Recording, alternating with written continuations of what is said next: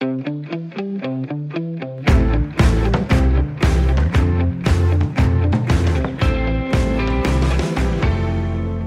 således, så kom vi uh, ordentligt i gang med dagens udgave af Fire på Foden. Rigtig hjertelig uh, velkommen indenfor. Bo Svensson, han er måske det hotteste danske fodboldnavn i øjeblikket, efter at have ført øh, Mainz væk fra nedrykningen i Bundesligaen med øh, sikker hånd.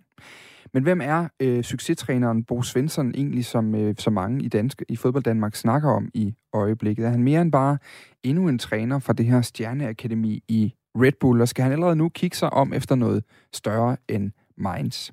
Du kan høre et øh, større interview med Bo Svensson lige om lidt i et øh, program i dag, hvor vi også skal vende det italienske mesterskab til Inter Milan og Christian Eriksen ikke mindst. Vi skal tale om fanprotesterne og øh, baneinvasionen og også den medfølgende herværk og vold, der i går skete på Old Trafford i Manchester United, eller Manchester by, for uden at vi skal øh, varme en lille smule op allerede nu. Altså, der er godt og vel 40 dage til det kommende EM. Vi varmer lidt op i dag ved at rykke sådan lidt tættere på og tale med manden, der var inspirationen bag det her fanhit.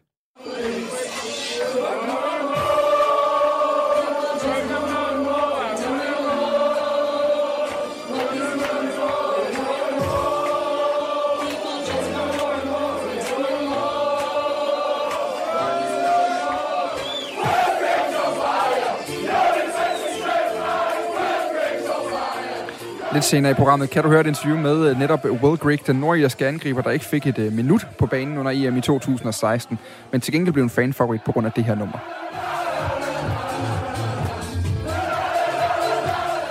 Rigtig hjertelig velkommen til dagens udgave af Fire på Foden. Jeg hedder Dan Grønbæk, og jeg er din vært de næste to timer.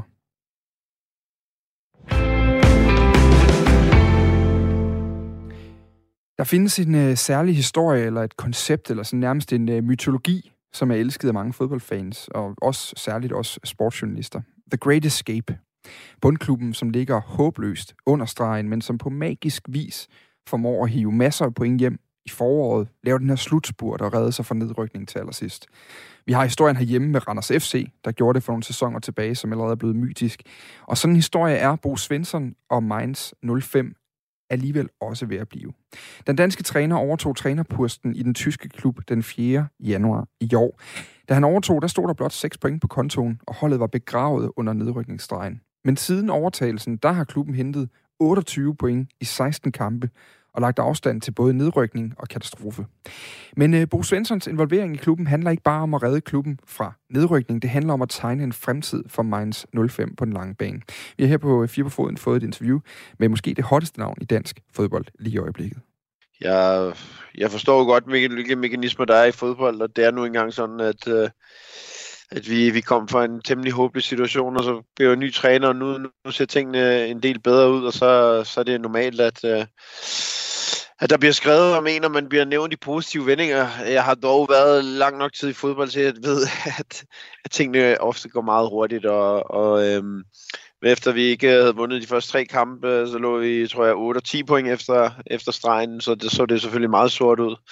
Så det er jo, øh, det er jo fantastisk nu at stå i, i den her situation, dermed ikke sagt, at vi er, øh, at vi er helt på den anden side endnu, men men vi har selvfølgelig væsentligt bedre chancer, end, end, end vi havde øh, bare for, for nogle uger siden, og derfor så holder jeg fokus på, på, på de ting, som ligesom, øh, som ligesom præger min dagligdag, og ikke øh, i spekulationer om, øh, hvorfor det ene eller det andet, øh, men forsøger at, at holde snuden i sporet i forhold til, til den opgave, som jeg har overtaget her. Øh, den vej, jeg ligesom har udstukket for, for den her klub, og, og den fremtidige mission og vision, som, som jeg har, og som vi har sammen. Øh, det, det er det, jeg prøver at, øh, og så, vidt, øh, så vidt som muligt at, at holde mit, mit fokus på. Øh, det, er, det er det, som, øh, som fylder størstedelen af min, min dagligdag, det skal være lige sige. Som Bo Svensson øh, selv siger i klippet her, så går tingene rigtig stærkt i fodboldverdenen, og specielt når det går godt. Derfor var hans øh, navn ifølge flere medier også på bloggen i øh, RB Leipzig, øh, en af de klubber, som lige nu gør det rigtig flot i toppen af den tyske Bundesliga. Da deres træner Julian Nagelsmann tidligere øh, på øh, måneden, øh, så meldte ud, at han forlader klubben til sommer til fordel for Bayern München. Selvom det øh, blot var rygter med Bo Svensson til Leipzig, og jobbet gik til en anden, så var det aldrig rigtig på tale for Bo Svensson selv. For jobbet i Mainz, det er et øh, projekt, man ikke bare dropper efter fire gode måneder, heller ikke selvom øh, journalisterne gerne vil gøre ham til en ombejlet herre for mange, øh, øh, der, der vil jeg gerne have et interview og forskellige podcast-deltagelser og sådan nogle ting. Øh, hvis det er ombejlet, så, så føler jeg mig ombejlet. Men, men ikke i form af, at øh, jeg er i spil til, til andre job eller, øh, eller så videre, så videre. Altså, det vil, det vil godt nok ikke passe så godt til mig selv, øh, til den måde, som jeg er som, som menneske, at, øh, at nu er fire, fire måneder øh, bagefter, for grund af, at vi har spillet 16 kampe, øh, skulle prøve at, at øh, øh, gå i gang med et andet projekt, eller skulle være interesseret i et andet projekt. Øh, jeg er langt fra færdig med, med det, vi har gang i øh, her i Mainz. Jeg sagde, da jeg overtog øh, tog Mainz, øh, også i forhandlingerne med Mainz, at det var vigtigt for mig at få en lang kontrakt. Fordi mit øh, hoved så ikke min, som min hovedmission bare skulle, skulle redde klubben og det bare skulle dreje sig om de næste 3-4-5 måneder og, og forsøge at holde øh, næsen, øh, næsen over vandet og, øhm, og, og blive i ligaen. At, øh, at øh, det, som ligesom tændte mig ved, ved Mainz, det var også at have de, øh, det, det længere perspektiv øh, i, i bagtankerne og, og forsøge at ændre noget grundlæggende ved den her klub.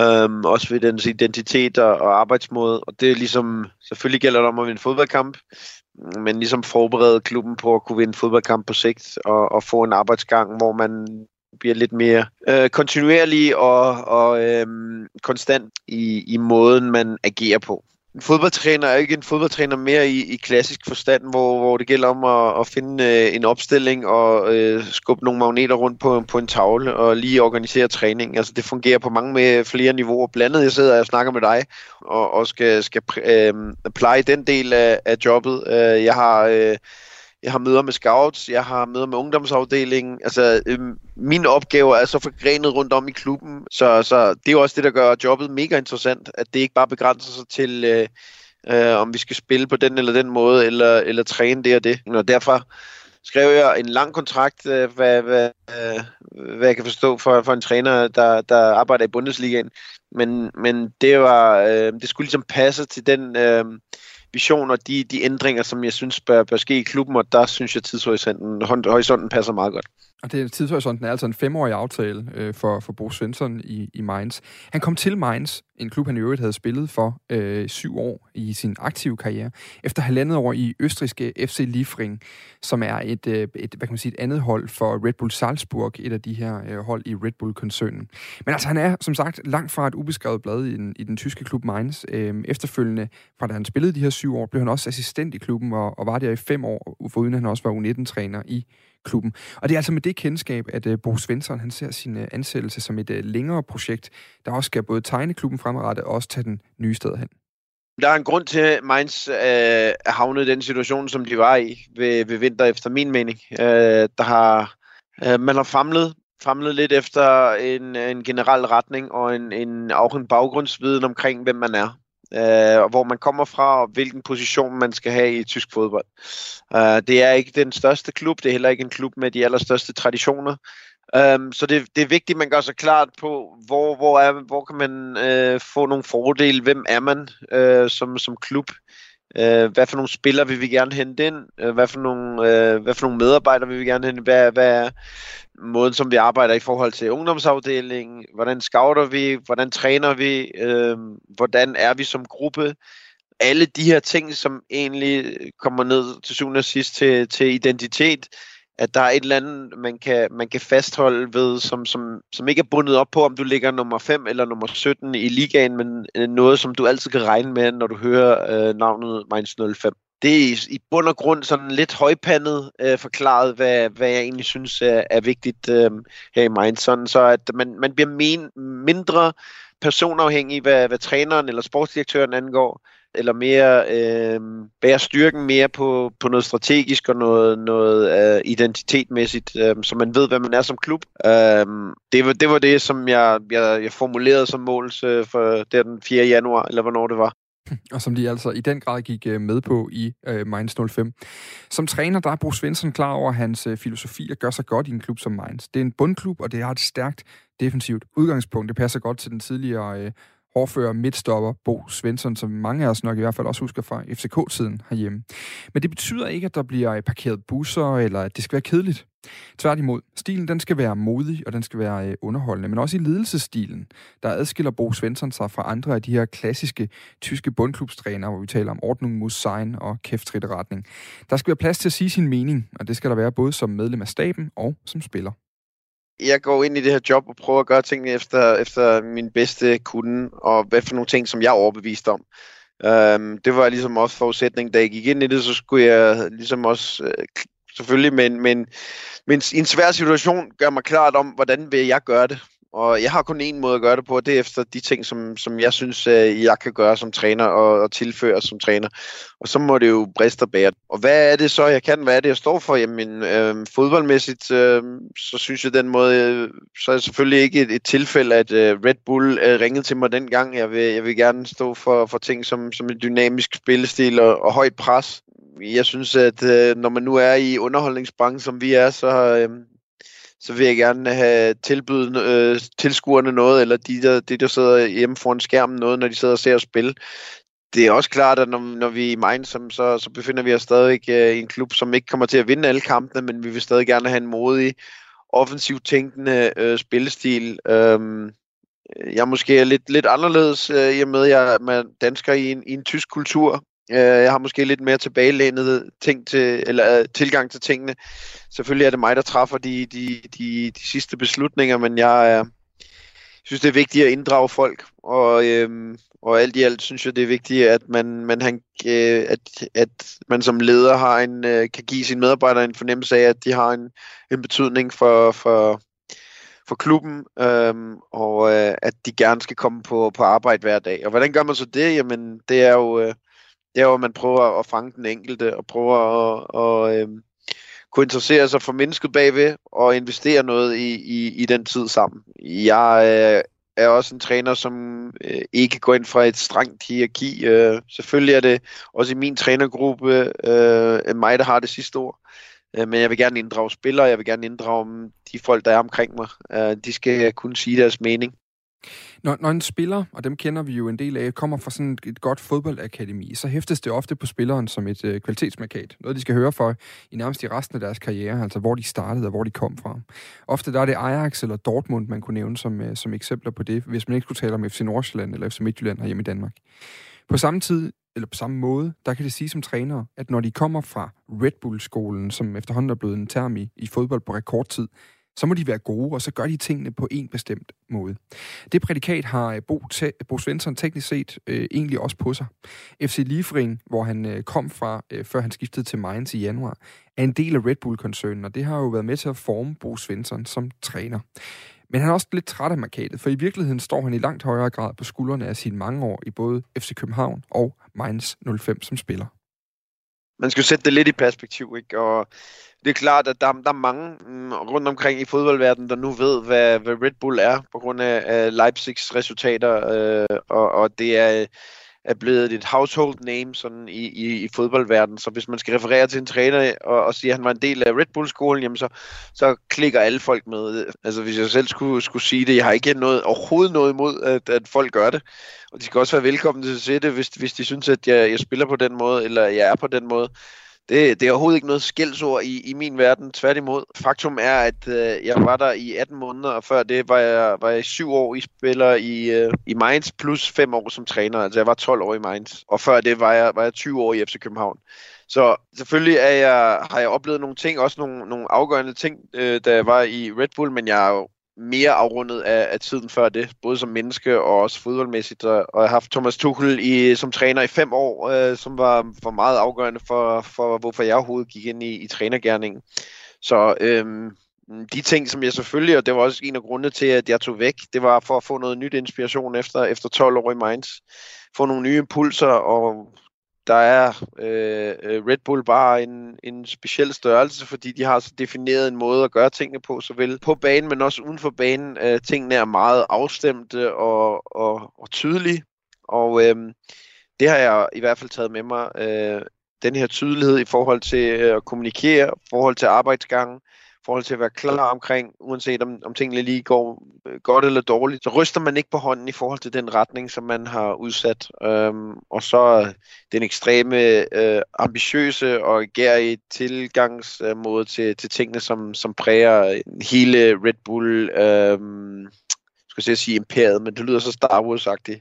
Hele øh, Red Bull, øh, ja, konstruktionen. Øh, jeg, jeg synes bare, at øh, at den måde, som jeg er på som menneske, og den måde, som jeg leder på, og, og alle de her ting, det, er, øh, det står på skuldrene af så meget mere, end, end, end hvad jeg lige lærte på 18, 18 måneder nede i, nede i Salzburg. Øh, derfor ser jeg mig selv som, som andre, eller mere end det. Øh, men som sagt, jeg har ikke noget imod, hvis, hvis folk reducerer det til det.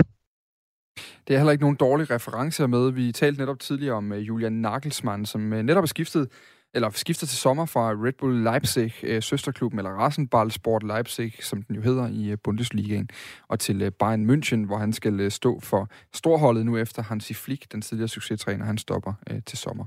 Næste opgave for øh, Bo Svensson og øh, Mainz, det er med øh, små 49, 39 minutter, der gælder det på øh, hjemmebane her til Berlin i Bundesligaen. Og øh, vi går øh, direkte videre, fordi mens vi også står og sender her nu, så kan man sige, øh, som den første store liga i Europa, der øh, blev Serie A afgjort i weekenden. Det betyder formodentlig, øh, jeg kunne se på sociale medier i dag, at der er i hvert fald nogle af inderspillerne, blandt andet den øh, kroatiske midtbanespiller Marcelo Brozovic, som har slået billedet op i dag på Instagram med aldeles, øh, hvad hedder det, blodsprængte øh, øjne. Det kan tyde på, at der har været en øh, god fest i går fordi det var til Inders fordel, der Serie A blev afgjort i øh, weekenden. Og øh, det er på den måde i hvert fald til den, til den øverste placering, for selvom der resterer en håndfuld runder endnu, så er der ingen, der længere kan hente Inter øh, Milan. Milaneserne, de øh, bryder dermed Juventus mesterskabsstime på ni år, og sikrer sig sin første Scudetto, som det hedder på de kanter, siden den historiske triple-sæson under øh, José Mourinho i 2009 og 2010. Det vil være rigtig lang tid siden, men en, der i hvert fald sagtens skal huske tilbage til uh, den tid, det er Erdal Amedovski. Han er livslang interfan, og ham har vi med på telefonen nu. Goddag, Erdal. Goddag, Dan. Og uh, tillykke starter man vel med. Mange tak, og tak fordi jeg må være med og glæde min, øh, dele min glæde her, hedder det. Ja, selvfølgelig. Jamen, det kan vi godt lide. Altså, øh, lad os bare starte ved glæden, fordi jeg, øh, altså, man, jeg skal jo huske at sige, man kan også følge dig på sociale medier, hvor du også skriver øh, meget om Inter, og, øh, og hvor det er svært ikke at, at falde over din kærlighed til, øh, til, til de blåsorte. Og jeg mindes, at du har bare et tweet lige omkring nytår, hvor du skrev, jamen ved du jeg, øh, du havde ligesom tænkt den færdig nu, og Inter skulle nok vinde mesterskabet. Jeg mener, jeg mener bare, du skrev det var lidt senere i maj. Det er rigtigt. Øh, jeg tror, der, der havde jeg lige så blodsprængt øh, øjne, som, øh, som Brozovic havde her på sociale medier i dag. Men, men der var et eller andet i, i fyrværkerihimlen den aften, hvor jeg tænkte, det, det bliver i år, vi vinder. Øh, selvom det ikke så sådan ud på det tidspunkt. Og, og det blev det så lidt, lidt tidligere end forventet. Så meget glad her. Hvordan var festen hjemme i stuen i weekenden? Altså det, vi skal sige, det, situationen var jo, at Atalanta kun fik 1-1 mod Sassuolo, og dermed så, så spillede de jo mesterskabet over i fødderne på Inter. Hvordan, hvordan var reaktionen hjemme hos dig? Ja, men den var, den var måske lidt anderledes, end, end du lige vil, vil gætte dig til, fordi jeg var ude på en køretur i det, i det nordsjællandske med min familie, og kunne det ikke sådan rigtig med i Atalanta-kampen. Jeg havde, jeg havde faktisk et stille håb om, at, øh, hvilket er, er lidt arrogant her efter 11 år uden et mesterskab, men et stille håb om, at Atalanta faktisk ville vinde i går, sådan så man ligesom kunne følge med live, mens, øh, mens det blev øh, teoretisk øh, forsejlet mesterskabet. Men, men, øh, men, men som sagt, efter 11 år, så, så, så tager vi den med.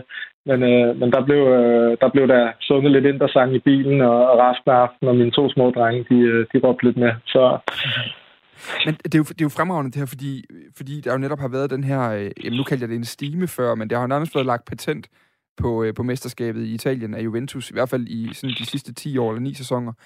Øhm, hvor, hvor meget betyder det egentlig, at man får brudt den der øh, men, stime, men i hvert fald den der øh, bane, der var med, at Juventus øh, de, de altid vinder mesterskabet til sidst?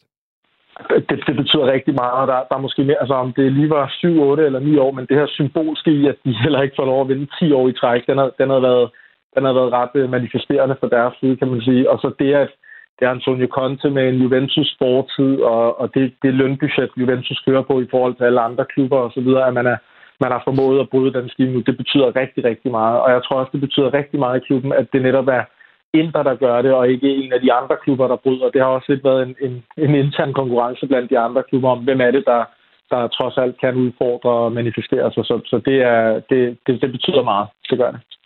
Og, og du er inde på noget her, fordi der har jo været den her store styrkeforskel, også øh, ikke mindst økonomisk, hvor Juventus traditionelt set har været holdet, men også kigget imod for de italienske, øh, når man kiggede i de internationale klubturneringer i Champions League og, og så videre.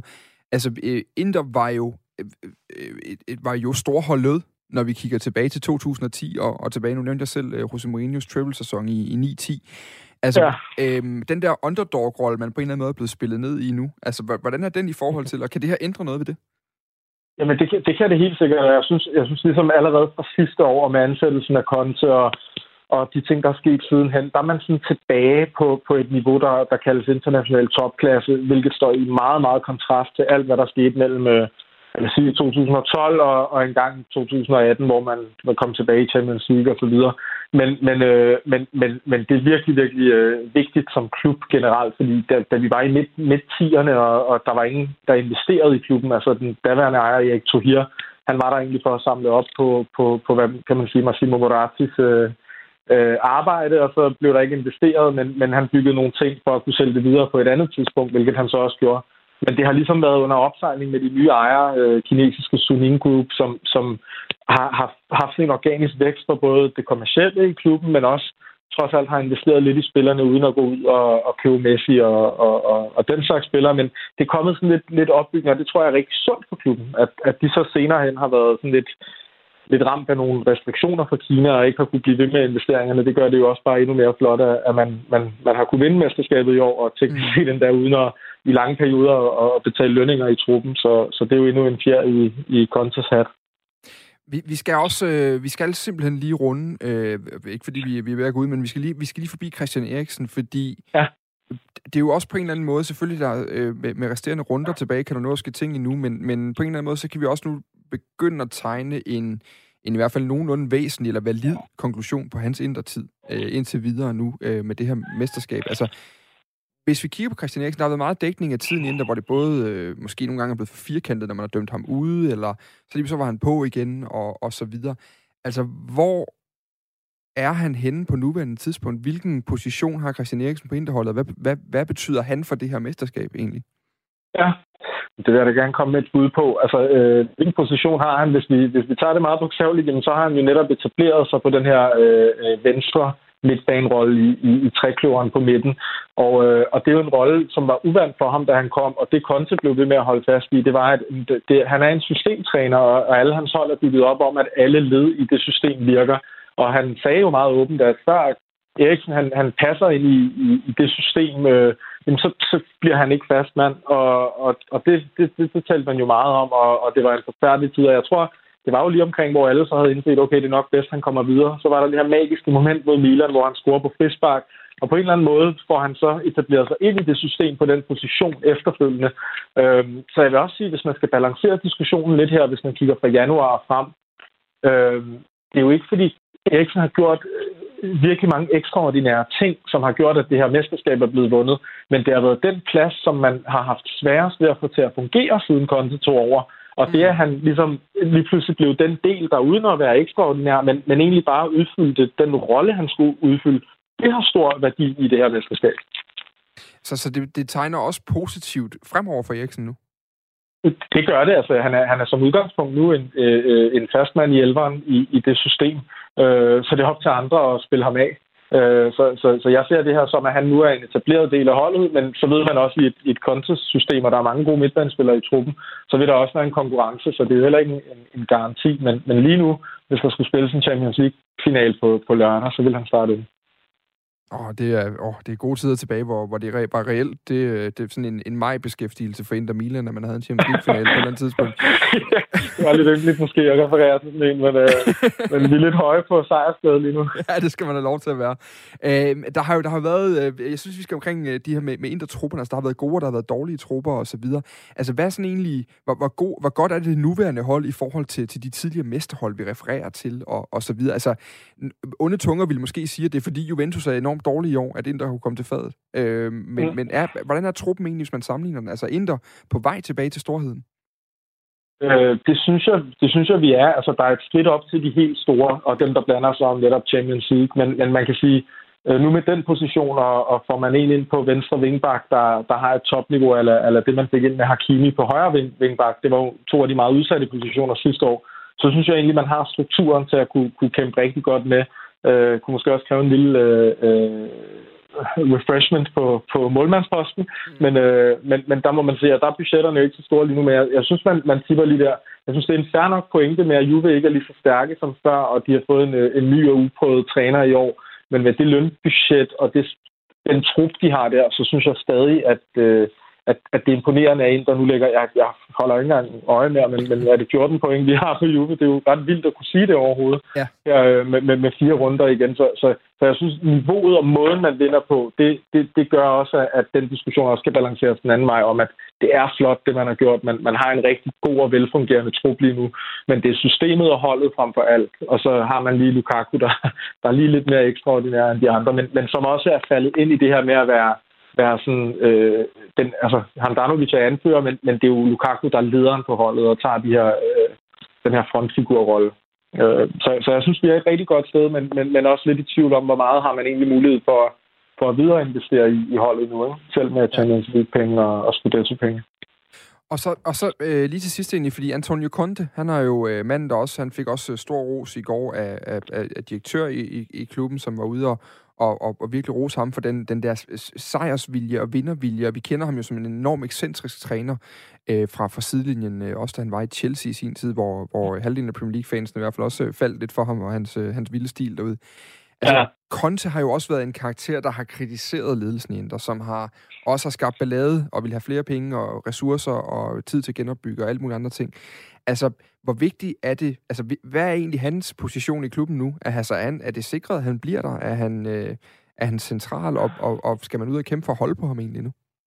Altså, han er, han er vigtig, og alt skal tillægges ham. Altså, hele kulturændringen, mentalitetsændringen og det samspil, han har haft med direktøren, du refererer til Marotta der. Øh, jeg læste Marotta i dag, sagde, det er rigtigt, Conte går ud og kritiserer os og siger tingene direkte i vores ansigt, men hellere det, end at vi ligesom har, har hele den her slangementalitet, som man har refereret til før, øh, øh, hvor, hvor, hvor der sker en masse rundt om holdet, som, som forstyrrer øh, hele de her Mauro Icardi øh, sager, der var. Det var jo noget, de gik ind konto om, Marotta fra dag 1 og sagde, det er lige meget, hvor mange mål Icardi laver. Han skal bare væk, fordi vi kan ikke bygge et hold omkring ham. Det kan vi omkring en som Lukaku.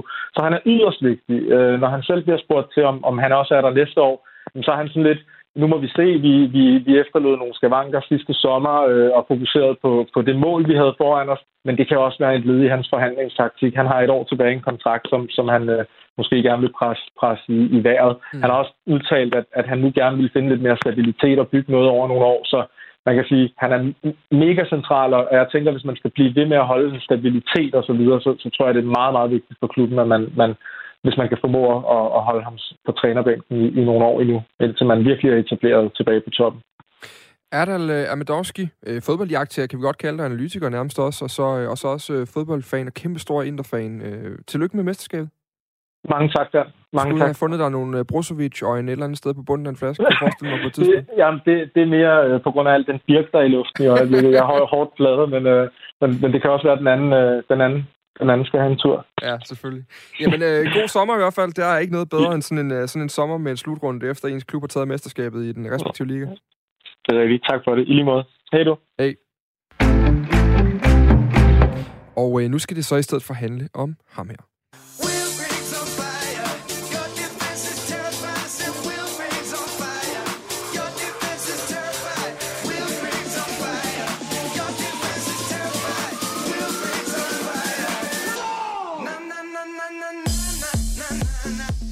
Hvis du skulle være i tvivl efter, at det er blevet sunget en øh, 7-10 gange her nu, så handler det nu om den nordjyske angriber Will Griggs. Det er i dag kun lidt over, øh, der er i dag kun lidt over en måned til øh, EM skydes i gang, og i den anledning, der skal vi lige nu høre en af de historier, der var med til at tegne den sidste slutrunde i 2016. Fordi i anledning af 100-års jubilæet for Nordirlands selvstændighed, der fik min kollega Mads Anneberg, der normalt bedriver programmet Kontinentet her på kanalen, nemlig fat i ingen andre end Will Grigg. Selvom øh, programmet handler mere om selvstændighed og Brexit og religion og alle mulige andre ting, så tager interviewet med Will Grigg altså udgangspunkt i EM 2016.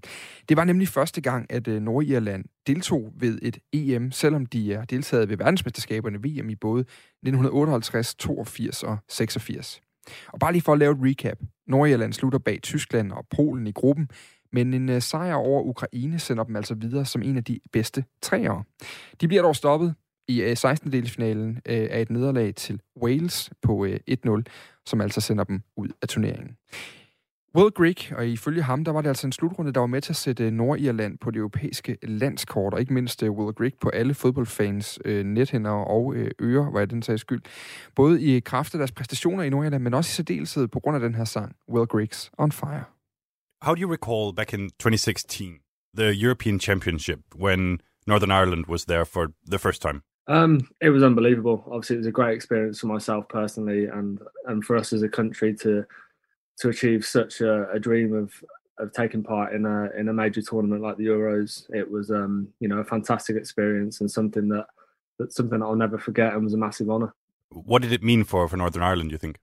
Um, it's massive. You know, such a tiny country like Northern Ireland. Um, you know, they they live and breathe football, and for us to to qualify for a major tournament, having you know such a small population was was a massive achievement.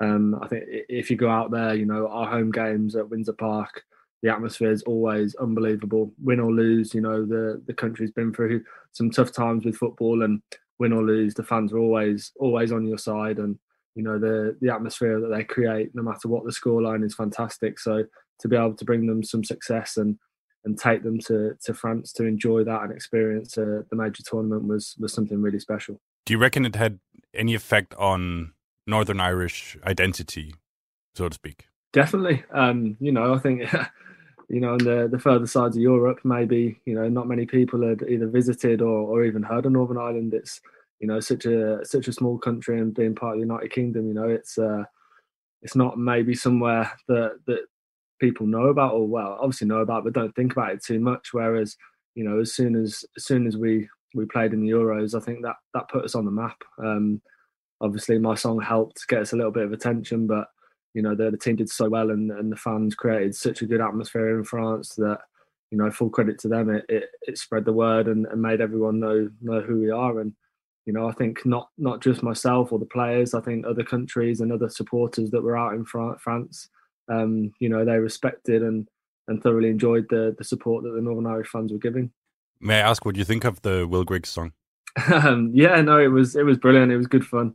Um, it obviously started when I was at Wigan Athletic. You know, I'd scored 29 goals in a season, and it was, um, you know, a section of our fans started singing it, and then there was uh, Sean Kennedy, a Wigan fan, who actually posted a, a YouTube video um, singing the song, and then that sort of that went viral and sparked it off a bit worldwide. And you know, it was it was really good fun. It was something that that went worked really well in Wigan and was a success there. And then as soon as, as soon as we got to the Euros, it was almost it was almost like the anthem of of the tournament. Um, you know, the the Northern Irish fans were singing it non-stop, and then before you know it, most of most of the teams in the tournament were singing it, and you know, it was only positive for me. We made, we raised a lot of money for charity, and it was um, it was all good fun.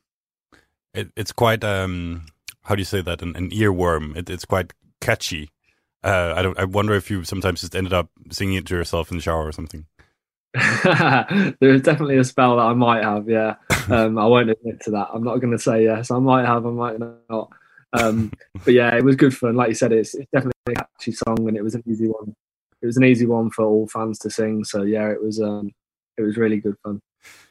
And when when you play in England, do do people know about Northern Ireland? From my point, it's it's it's a lot about sport and Georgie Best and everything like that. Um, it's one of those things that the football wise, it's not um, you know it's not held as in the same esteem as as obviously Premier League or English football. That's why you get a lot of Northern Irish players coming over this over the water and, and playing in England. Um, but in terms of, uh, of a well well established country and and everything that they they stand for, yeah, Northern Ireland's a, a massive a massive part of the United Kingdom. Um, I have one question here in the end, Will, and you are most welcome to say no, I was wondering if we could just sing the chorus together of the of the song because it's really like something I've, I've, I've really been listening sorry, to it on repeat these past days. I'm really sorry, I couldn't do it. I've been asked about it a thousand times. I know you have. Okay. It, so. I'm sorry. I'm I'm just gonna you know I'm gonna sing it to myself later. No problem. No problem. Det var altså min uh, kollega Mads Anneberg, der havde lavet det her interview, hvor han til sidst forsøger at få uh, Will Grigg til at uh, synge sang. Det er åbenbart noget, uh, Grigg kun gør i uh, badet en gang imellem. Ganske kort øh, kan jeg sige, at Greg han fortæller her, at det var en kæmpe oplevelse at være med til Europamesterskabet i 2016. Både for ham og for holdet, men også for fansene. Og den her sang var altså med til at sætte øh, Nordjylland, eller Nordirland på øh, landkortet. Og den har øh, bragt mange gode ting med sig. Han øh, siger, at det nærmest blev øh, anthem, altså en, øh, en eller anden form for hvad kan man sige, sådan en melodi, der har hæftet sig til, til hele turneringen i det hele taget. Turneringen blev øvrigt spillet i øh, Frankrig, og øh, fodbold betyder enormt meget i Nordirland. Fansene støtter altid landsholdet, fortæller han. Men hvad klubber angår, så tager de fleste spillere altså over vandet og spiller i England, ligesom øh, Griggs selv har gjort. Han spiller i dag i øh, Milton Keynes Dons i øh, det, der hedder League One i England. Og øh, det lykkedes jo desværre ikke, Mads Anneberg, at øh, få fat i en, øh, en, hvad kan man sige, en live-version fra Will Grigg af Will Griggs on Fire. Men heldigvis så er der jo masser af nordjyske fans, som elsker at øh, synge den, og jeg tænker egentlig, at vi lige kan runde af med den i sådan et øh, pop-edit.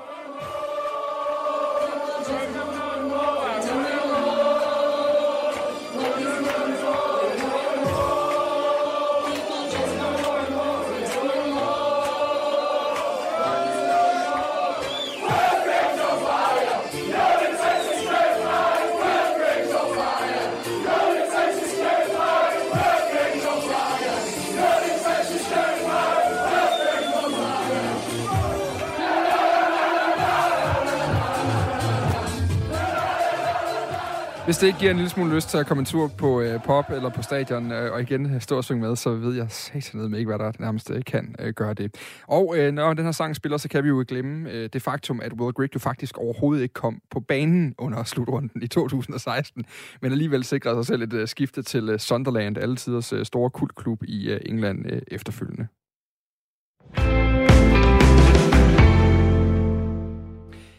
Ligesom man troede, at den øh, tumultariske historie omkring øh, udbryderligaen European Super League, som vi også har dækket i de to forgangne øh, udgaver af det her program de sidste par uger, havde lagt sig, jamen så pustede Manchester United-fans i hobetal til gløderne i weekenden. Fansene de mødte op foran Old Trafford forud for uh, gårdsdagens kamp mod Liverpool, og de gik så langt som til at trænge ind på græsplænen på stadion urolighederne, som det udviklede øh, sig til, de førte også til sammenstød med politiet, og øh, flere øh, mennesker, to personer på nuværende tidspunkt, blev altså skadet under de her uroligheder. Vi kan lige høre et kort øh, bid af, hvordan det lød, da BBC stillede om til urolighederne ude foran øh, Old Trafford.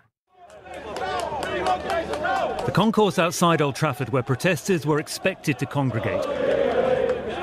The voice their continued opposition to the ownership of Manchester United by the Glazer family. Some protesters soon decided to go further and ultimately onto the pitch itself. This was the scene at one of the most famous football grounds in the world, that revered Manchester United pitch, the place of stirring feats of football occupied. Det hele kulminerede i en aflysning af Premier League-kampen mod Liverpool i det af de mest øh, traditionsrige opgør i den engelske bedste række. Så tilbage der står en hårde af utilfredse Manchester United-supporter, der vil have Glazer-familien, der ejer klubben, amerikansk familie, ud af klubben. Det var den amerikanske glæserfamilie, der i sin tid øh, fik United med i European Super League-planerne, som for to uger siden blev skrottet lige så hurtigt, som de blev præsenteret. Og der findes næppe en øh, fodboldromantiker derude, der var for ideen om European Super League, så måske ligger det lige for at have sympati med Uniteds fans. Men der findes altså også fans derude, der skælder ud på medfansene oven på øh, episoderne i går. En af dem, der gjorde det, det var øh, dig, Dennis Bjerre. Goddag. Goddag. Journalist på Aarhus lige nu øh, i parken, hvor øh, du jo skal dække kampen i aften mellem AGF og øh, FC København. Øhm, og jeg, jeg sad, øh, du har været med i programmet her før, så jeg følger jo gerne med, hvad, hvad du mener, særligt om Manchester United, hvor der er mange fornuftige ting, øh, fordi du jo øh, bruger uforholdsmæssigt meget tid på at kigge efter, efter det her hold. Hvad var egentlig problemet? Det er også, ja. hvad var egentlig problemet med problemet i går, kan man sige? Jamen, altså, jeg synes, de protester, der var uden for stadion, det, de var helt fair. Øh, og det, det er helt fair, det er helt til at velkommen, at man, man gør opmærksom på øh, uretfærdigheder i, i den her fodboldverden, hvor der er så rigeligt at brokse over. Men, men det her med, at man, man trænger ind øh, et sted, hvor man ikke må trænge ind, og man, man, man kaster med nogle øh, kameraer, stativer og, og hænger i nogle net. Og, altså, man ligesom begynder at ødelægge ting. Øh, der, der synes jeg, der går grænsen for mig, hvor der, der vil jeg ikke associeres med det længere. Altså, det, det, det kan jeg ikke støtte op om, at man, man, man tager det skridt. Øh, det, det bliver for meget. Og det er, jo, det er jo en vild diskussion, vi har fået, fordi der er jo, vi er jo faktisk nået et sted hen nu, hvor irritationen og frustrationen fra fans er blevet så stor, at folk faktisk argumenterer for, at den her form for i hvert fald voldsomme, eller hvis ikke voldelige protester faktisk kan være på sin plads. Øhm, du, du har jo fulgt United i utrolig mange år, også været en, hvad kan man godt sige, en utilfreds United-fan i forhold til ledelsen i mange år. Altså, er det, er det her stukket af lige nu? Øh, jamen, altså, det, det er selvfølgelig, der, der blev sat ild til det igen efter det her, efter det her Super League, hvor, hvor det blussede op, hvor, hvor United-fans, kan man sige, lige blev mindet om, hvor, hvor meget de, de hader de her ejere. Øh, men man kan sige, de har de har jo hadet dem fra, fra starten af, siden, uh, siden Glazers overtog klubben for, for mere end 15 år siden, så, så det har sådan set ikke ændret sig, men man kan sige, nu, nu var der ligesom en, en grund til lige at, at, at blusse op under det igen, ikke? Jeg skrev på, øh, da jeg skulle dag, tidligere dag lige skulle lægge ud på sociale medier, hvad vi skulle snakke om i programmet i dag, så fik jeg skrevet, at øh, Dennis Bjerre, han er en af de der United-fans, der råbte Glazers out, øh, før det egentlig blev pop at gøre, øh, sådan lige i øjeblikket nu. Hvad var, den, hvad var den oprindelige grund egentlig til, at man gerne ville have Glazer-familien ud af, ud af klubben, og hvor længe har den der diskussion varet nu? Jamen altså, der, der skete jo det i, øh, i 2005, at der, der, der købte de jo klubben for klubbens egen penge, sådan populært sagt. Altså, de, de lånte penge i klubben af, med, øh, altså, kan man sige, til, til at købe klubben. Øhm, og det, det, øh, nu siger jeg, det er klart, men, men det er i hvert fald klart for mig, at det, det var jo ikke populært hos fans, der, kan man sige, en, en klub, som, som ikke skyldte nogen penge væk, lige pludselig, fordi den får en ny ejer, skylder en masse penge væk, fordi den har købt sig selv. Øh, det, det, det, for fans, der, der ser det jo vildt underligt ud. Øh, for, for ejerne har det jo været en rigtig god forretning. Altså, klubben er, er steget mange gange i, i værdi, fordi øh, 16 år, de, de har ejet den. Så, så, så de har tjent masser af penge på det, men, men de har også, kan man sige, taget de penge ud af, af det overskud, som, øh, som United laver hver eneste år, og som, kan man sige, fodboldfans sidder og kigger på og sagt, den kunne vi have købt spillere for, den kunne vi have, have, have, have renoveret stadion for, som, som også mange siger, øh, at man, man, man har kan man sige, forsømt over de sidste 15 år, ikke, hvor, hvor mange andre klubber har, har bygget nye stadions osv. Så den er ret rodfæstet, den her protest mod Glazer, der så bare har fået, øh, hvad kan man sige, der er bare råd benzin på bålet nu? Ja, lige det. Nå, nu, jeg fandt jo et, øh, du var jo selv hurtigt ude at diskutere, øh, også på sociale medier omkring det her i går, hvor, hvor du blandt andet også lagde et billede op fra, fra 2005. Der står en, en yngre Dennis Bjerre, tør jeg godt sige. Ja. Øh, øh, helt naturligt, kan man sige, i og med det er fra 2005, men øh, står også øh, foran en stor port, øh, øh, foran en, øh, jamen det, det ser meget, meget, meget meget, meget, meget dyrt ud. Altså, det er sådan noget med palmer inde i haven bag porten, og du står med et lille bitte A4-ark, som jeg ikke helt kan læse, hvad der står på. Der er et syvtal på ryggen af spilleren. Men kan du prøve at forklare, hvad det var? Hvad er det for en seance, der foregår her på det her billede? Jo, altså det, det var lige omkring øh, 2005 her, hvor, hvor, hvor Glazers de købte klubben. Øh, og jeg var en del af, sammen med min lillebror, som også står på, på det billede der. Øh, vi, øh, vi var en del af noget, der hedder Shareholders, Shareholders United, som, som kan man sige, var en forening, der var af fans, der var gået sammen om at købe aktier i klubben, for ligesom at, at forsøge at modvirke, at, at der kunne komme nogen og overtage klubben, fordi det var et aktieselskab.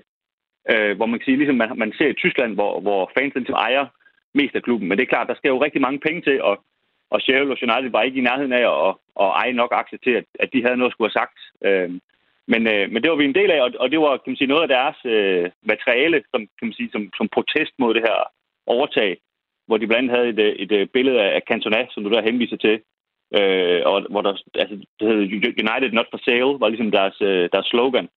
Og det var så de her ting, vi havde printet ud på en øh, minimalistisk øh, printer, og så, øh, og, og skal siges på en, en ferie, vi var på i forvejen i, i USA. Vi var trods alt ikke taget hele vejen til, til Florida, bare for at smide det i hans øh, postkast. Men så fandt vi ud af, hvor, øh, hvor Glazer han boede og, og stod ude foran hans øh, hus. Og, og flagrede lidt med de billeder der og, og smed dem i hans postkast. Ikke at jeg tror, han selv øh, personligt øh, tømmer den postkast der, men, men, øh, men det var sådan lige vores lille øh, forsøg på at, at gøre oprør mod det i hvert fald. Og, og vi kan lige prøve at tage øhm, altså, øh, altså, øh, hvad, årsagen dengang, og, og det er jo det her med, med klubben, den måde strukturen var på, men, men hvor, hvor, hvor massiv var protesten dengang? Ja, det, det var faktisk ret massiv. Øh, der, der var ret mange øh, United-fans, der, der var imod, at de skulle købe den klub, netop som jeg sagde før, fordi at, at, at det ville gældsætte klubben. En klub, som slet ikke øh, skyldte penge væk, og som, som dengang i hvert fald var den øh, nok mest veldrevne klub økonomisk i, øh, i verden som tjente rigtig mange penge. Og, og, og kan man sige, så det var der stor modstand imod. Jeg husker det ikke, som om der var nogen, der egentlig var, var, var for, at de, at de kom ind. Øh, det er jo ikke ligesom, kan man sige, de her ejere, der kom ind i Chelsea og Manchester City, som, som kommer med en masse penge, og, og lige pludselig fører de hold fra, fra midten af tabellen helt op i toppen af tabellen. Altså United lå i toppen af tabellen, var en af Englands bedste hold, og så kom der ligesom nogen og, og forsøgte at, at tage nogle af deres penge, sådan helt populært sagt. Ikke? Mm. Vi kan lige prøve at høre et par reaktioner fra i går, fordi blandt andet så var Manchester United-legenden øh, Gary Neville, som nærmest er blevet en øh, folkeheld i de her dage øh, post-Super øh, League, hurtigt ud at sige, at han mente, at andre fans, altså andre klubber, skulle gøre ligesom med United-fans. Man kan lige prøve at høre et klip med ham her. I think all football fans should unite today behind what Manchester United fans have done. because honestly, what they did two weeks ago was really dangerous for English football. We must not forget that. They tried to walk away and create a closed shop league that would have basically created a famine, a famine in this country for every other football club. Og øh, derudover så var der en øh, United-fan, som jeg faldt over, som var på øh, Sky News, som sagde noget, øh, som også havde en reaktion, der umiddelbart virkede meget sigende for det, der foregår øh, blandt de her mange, mange, mange tusind mennesker, der havde samlet sig. I går var det så ud foran Old Trafford, men tidligere har vi også set det samme foran blandt andet Stamford Bridge i, øh, i London, hvor Chelsea øh, spiller på hjemmebane. I don't know the way the club's been run for the last uh, 10 years. Uh, taking a billion pound out of the club, buying the club in debt, leveraging it against the club, uh, treating people like they're commodities, calling fans legacy fans when setting up the Super League. Um, just gone too long, and enough's enough. Enough's enough øh, går han ind på. Han er også inde på det her med netop øh, med gælden i klubben, med øh, det her med at treat fans as commodities, altså at vi er blevet sådan et, eller anden form for, øh, for, øh, for, for, hvad kan man sige, et hamster i et eller andet hjul, der handler om at sælge flere ting og, og gøre det mere kommercielt hele tiden. Øh, Dennis Bjerg, når du nu har været i gang siden 2005 med den her protest, kan man sige, eller i hvert fald har, har, har synes, der var noget galt siden 2005, sidder man med tanken om nu, at, at nu sker der endelig noget. Nu har de andre endelig fået øjnene op for det, og nu, nu kunne det faktisk være, at der kunne blive rykket ved glasejerskabet. Eller er det her gået for vidt allerede nu? Øhm, altså, jeg må indrømme, jeg, jeg er nået til det punkt, hvor jeg også har lidt sådan, uh, be careful what, what, what you wish for. Fordi der har også været meget snak om, at, uh, at de her folk fra Saudi-Arabien skulle, øh, skulle uh, gerne vil købe United. Uh, det er de samme mennesker, som forsøgte at købe Newcastle også. Og der, uh, der vil jeg så sige, der, der vil jeg personligt trods alt hellere uh, være ejet af nogle amerikanere, der, der er pengegriske, end, end, end de her mennesker, som, som slår folk ihjel for sjov. Altså det, det, det er trods alt, øh, kan man sige, mere forkasteligt moralsk. uh, så, og, og man kan sige, jeg, jeg synes, man kan se i den her fodboldverden, at, at chancen for, at der kommer en, der køber dem, som, som bare synes, at øh, dem, dem vil jeg ikke tænke penge på. Jeg, jeg giver den sådan set bare til fansene, når jeg har brugt øh, 10 milliarder på, på at købe den her klub. Det, øh, det, det er nok ret usandsynligt. Så, så derfor har jeg lidt svært ved at se, hvad det egentlig, altså hvordan de her fans egentlig skal kunne få øh, kan man sige, Glazers væk fra United. Det, det eneste, der sådan kan gøre noget ved det, det er jo, hvis man overordnet i, i øh, engelsk fodbold for at lave nogle regler, ligesom man har i Tyskland, hvor, hvor fanejerskab ligesom er en, er en meget større del af, af klubberne. Det, det, jeg synes, det er den vej, man skal gå, hvis man, hvis man vil øh, kan man sige, have de her ting ændret. Der er sådan et spørgsmål, jeg har stillet rigtig mange mennesker, der har været med i radioen over de sidste to uger. Det er jo det her med, øh, med tiltroen til fodbold. Altså tiltroen til, at det faktisk bliver bedre. Altså, at der er øh, noget lysere lige på den anden side. Det kan virke enormt øh, flyvsk og, og på en eller anden måde sådan også øh, nostalgisk, romantisk og alt muligt andet. Men, men, men, øh, men jeg synes, jeg har oplevet, når jeg har talt med, med mennesker i de her debatprogrammer, at, at folk, nogen har simpelthen mistet, øh, altså du ved, nærmest øh, interessen kan dø en lille smule sammen med tiltroen til, at der er noget som helst godt tilbage i den her fodboldverden. Hvordan, hvordan har din egen øh, fodboldfornemmelse det egentlig i øjeblikket af dit eget sådan, fanskab af, af fodbold og, og Manchester United? Jamen altså, for, for mig der, øh, der, der fylder det her med United. Det, det er sådan en familieting, vi har. Øh, nu nævnte jeg også, det var, min bror, jeg var med derovre før, og, og vores far er også stor fan af klubben. Og så man kan sige, det, det er sådan set det, der fylder noget for mig, det er at, at se de her kampe sammen med, med dem og så videre. Øhm, og, og det har jo ikke lidt nogen skade, kan man sige. Så, så på den måde er det sådan set stadigvæk øh, det samme.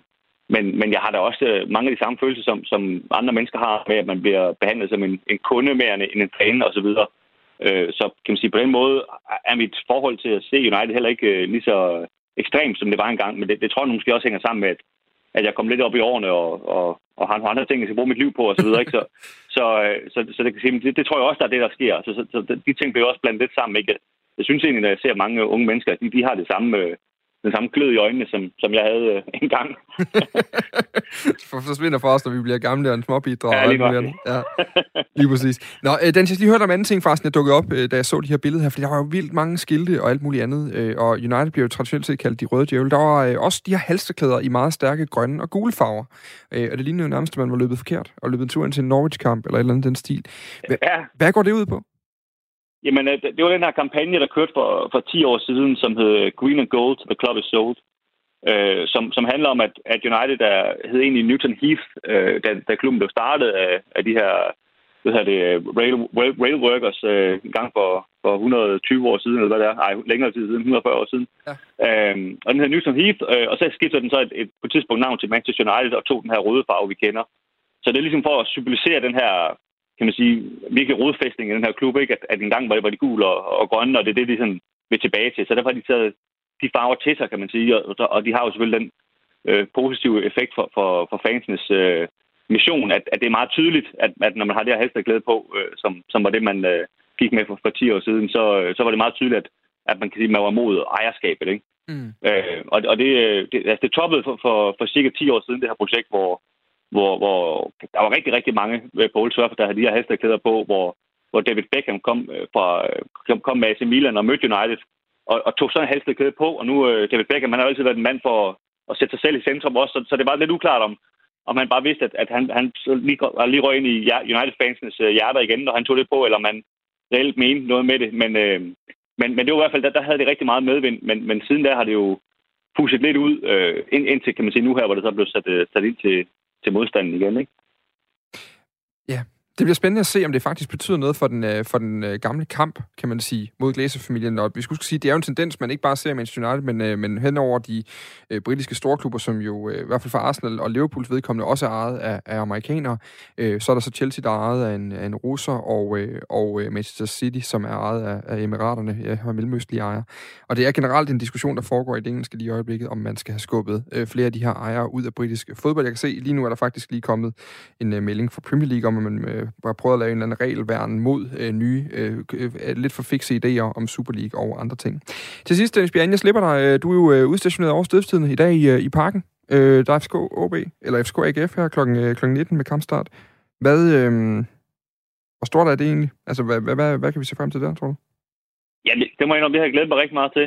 Efter den her kamp i, i søndags, hvor, hvor de mødte hinanden i Aarhus, hvor det hele jo eksploderet fuldstændig, og, og kan man sige, med Victor Fischer og Kamil Gavara i centrum, og, og 22 spillere, der på et tidspunkt stod og, og skubbede lidt bryst mod hinanden. Der øh, synes jeg, er bygget noget op mellem de her to klubber, hvor, øh, hvor man kan sige, sådan, altså det her fodboldhad, hvor, hvor man kan se, at de virkelig, øh, de virkelig kæmper mod hinanden. Og det har været en rigtig fede kampe, de har spillet mod hinanden det, det seneste års tid. Så, så, så det glæder mig meget til. Øh, et brag, vil jeg kalde det. Er det godt vejr derovre? Øh, ja, det er, egentlig, det er ganske udmærket vejr. Øh, lidt, lidt skyer, kan jeg se herfra, når jeg kigger ud på parken, men øh, ganske, ganske glimrende. Rigtig god kamp i hvert fald, Dennis. Så tusind tak, øh, fordi du lige blev med til at fortælle lidt om, øh, om hele den her øh, Glazer Out-kampagne. Ja, velbekomme. Og du kan altså følge med. Der er Dennis, han er i avisen i morgen. Garanteret sammen med Robin, hans, hans kammerat på Aarhus der skriver om AGF. Og du kan også følge kampen i aften. Det er på TV3 Sport. Den bliver sendt. Lige på den anden side af en omgang nyheder, som du skal have øh, lige om lidt, der skal vi kigge mod en, øh, en anden af de historier. Sådan en af de der historier, der har fået samtlige her på redaktionen til at spære øjnene op øh, inden for de sidste par uger. For øh, to-tre uger siden, der meldte Jammerbugt FC ud. Altså Jammerbugt FC, skal vi lige først sige, en anden divisionsklub fra det nordjyske, fra Pandrup, en by med under 3.000 indbyggere. De meldte ud af en tysk investor ved navn Claus Dieter Willy Müller, havde købt klubbens anden divisionshold. Men hvad vil en tysk fodboldinvestor dog med et øh, dansk klubhold, hvor knap alle i startups egentlig er på DBU-kontrakter, og som ikke ejer en tribune på deres stadion? Det kan du blive øh, lidt klogere på i anden time af dagens øh, Fire på Foden, hvor du blandt andet kan møde Bo Sink, der er cheftræner med mere i klubben, og som øh, har haft travlt siden nyheden kom ud for nogle uger siden. Jeg er jo øh, glad og opstemt over det her, og synes, det er en mega fed rejse så er det klart, så er det klart, at det er træls af eksempler i Danmark, der gør, at, at tingene bliver forsøgt vendt øh, negativt. For det er jo lidt ligesom min tysk-stil i 10. klasse, der var jo der var med mig rød jo. Og hvis der er noget, vi er gode til, så er det jo at finde øh, hullerne i osten. Og jeg synes bare, at det her, og det er ikke fordi, at så kan man sige, jamen det skal han jo sige. Jeg synes bare, at der er så mange lyspunkter i, at en, øh, en lille klub øh, kan få den her chance. Det er med en stor historie, synes jeg, i dansk fodbold. Det er jo gået lidt imod øh, Super League og Champions League og alt det. Nu er vi en lille, lille, lille, lille fugl, der forsøger at flyve op igennem rækkerne, har forsøgt det igennem 20 år og lykkes. Nu kan det være, at vi kan tage et skridt mere. Så, så også lige kigge ind i, hvad, hvad er mulighederne deroppe, for de er jo store. Vi er ved at få ny hal, ny skole, vi er et kæmpe område, så jeg kunne godt have savnet, jeg kan godt forstå kritikerne, fordi at det, der er sket i Danmark, men jeg savnede måske også lidt at sige, jamen, øh, de er sgu dygtige nok deroppe, og at det her, det kan faktisk godt blive rigtig, rigtig godt for dem. Det har jeg, det ved jeg, det har jeg savnet, øh, det har jeg savnet øh, lidt, det er bare for min egen, men jeg ved jo godt, hvorfor at øh, spørgsmålet bliver stillet. Det er, jo, det er jo ikke vores skyld, at andre har fejlet. Det er det, jeg synes, at vi bliver lidt ramt af at sige, øh, det kan vi jo tage, hvis vi fejler, så må vi stå til ansvar for det. Hvad gjorde vi så forkert? Men det er som om, at vi skal stå til ansvar, inden at der er gået noget galt, og det kan jeg da godt synes, at det er sgu da øh, lidt mærkeligt. Men omvendt set, så er det jo den danske mentalitet. Vi, vi er gode til at finde, øh, finde fejlene, det lærer vi jo i, øh, fra tidligere, det, det er jo sådan, det er. Øh, men ellers så synes jeg, det har været indtil videre har det været en fed rejse, og det, det er noget, vi glæder os til at, at fortsætte, øh, fortsætte om. Og, og jo mere omtale der bliver Jammerbugt FC og Jammerbugt Kommune og Pandrup osv., det er godt for os øh, heroppe, for vi har et fedt lokalsamfund, som vi i det her forsøger at bringe på et helt, helt andet niveau. Du kan høre meget mere om, hvad det er for et niveau, man gerne vil ramme i øh, Jammerbugt FC, som øh, Bo øh, Sink er inde på her. Du kan også høre noget om øh, hele den tendens, det jo er, at øh, udenlandske ejere kaster sig over danske fodboldklubber, også selvom de ligger længere ned i rækkerne.